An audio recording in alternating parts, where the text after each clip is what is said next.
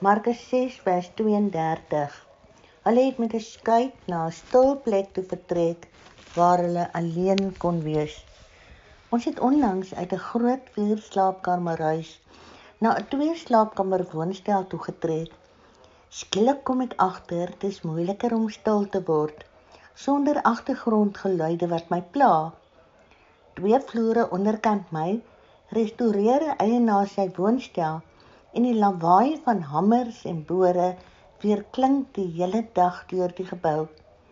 Dit is ook vir my moeilik om van my man te ontsnap in so 'n klein spasie en stil word word 'n kuns. Dis toe dat die Here my daaraan herinner dat van my grootste deurbrake in gebed binne in die badkamer en agter my motor se stuurplaas gevind het. Die afgelope jaar is ons vasgeknel in 'n vlaag van siekte en hartseer as gevolg van, van COVID-19. Ek begin al hoe meer geïrriteerd raak met my selfoon wat die hele dag piep met nuus op WhatsApp groepe oor nood en versoeke vir gebed.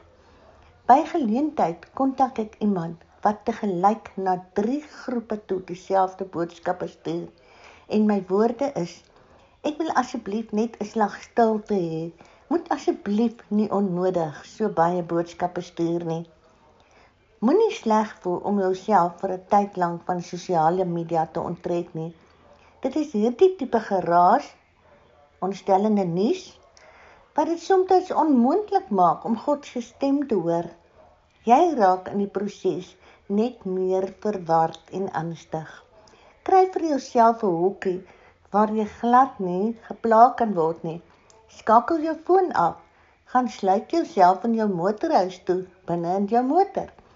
Sluit jouself in jou badkamer toe en ontspan in 'n skuimbad in plaas van jou gewone haastige stort rotine. Ek woon in Kaapstad, maar weens my betrokkeheid by verskeie organisasies wie se hoofkantoor in Gauteng gesetel is, reis ek gereeld tussen die twee provinsies. En alhoewel dit baie gerieflik is om te vlieg, kies ek telke male om die lang afstand van 1500 km alleen met my motor af te lê. Een van die redes daarvoor is dat ek dit as ideale tyd beskou om alleen tyd met God te spandeer terwyl die kilometers verbysnel. Ek praat kliphard met my meester, vertel hom van my seer, my uitdagings en drome en sonder die gevaar dat iemand my mag hoor en dalk my versigtinge verkeerd kan vertolk. Vir 3 jaar lank ek het 'n swaar las op my skouers gehad. Omdat ek gehoor gestremd het, word ek glad nie wakker van geraas rondom my nie. Satan weet dit baie goed en het my vreesbevange gemaak om alleen in die huis te slaap wanneer my man weg is vir besigheid.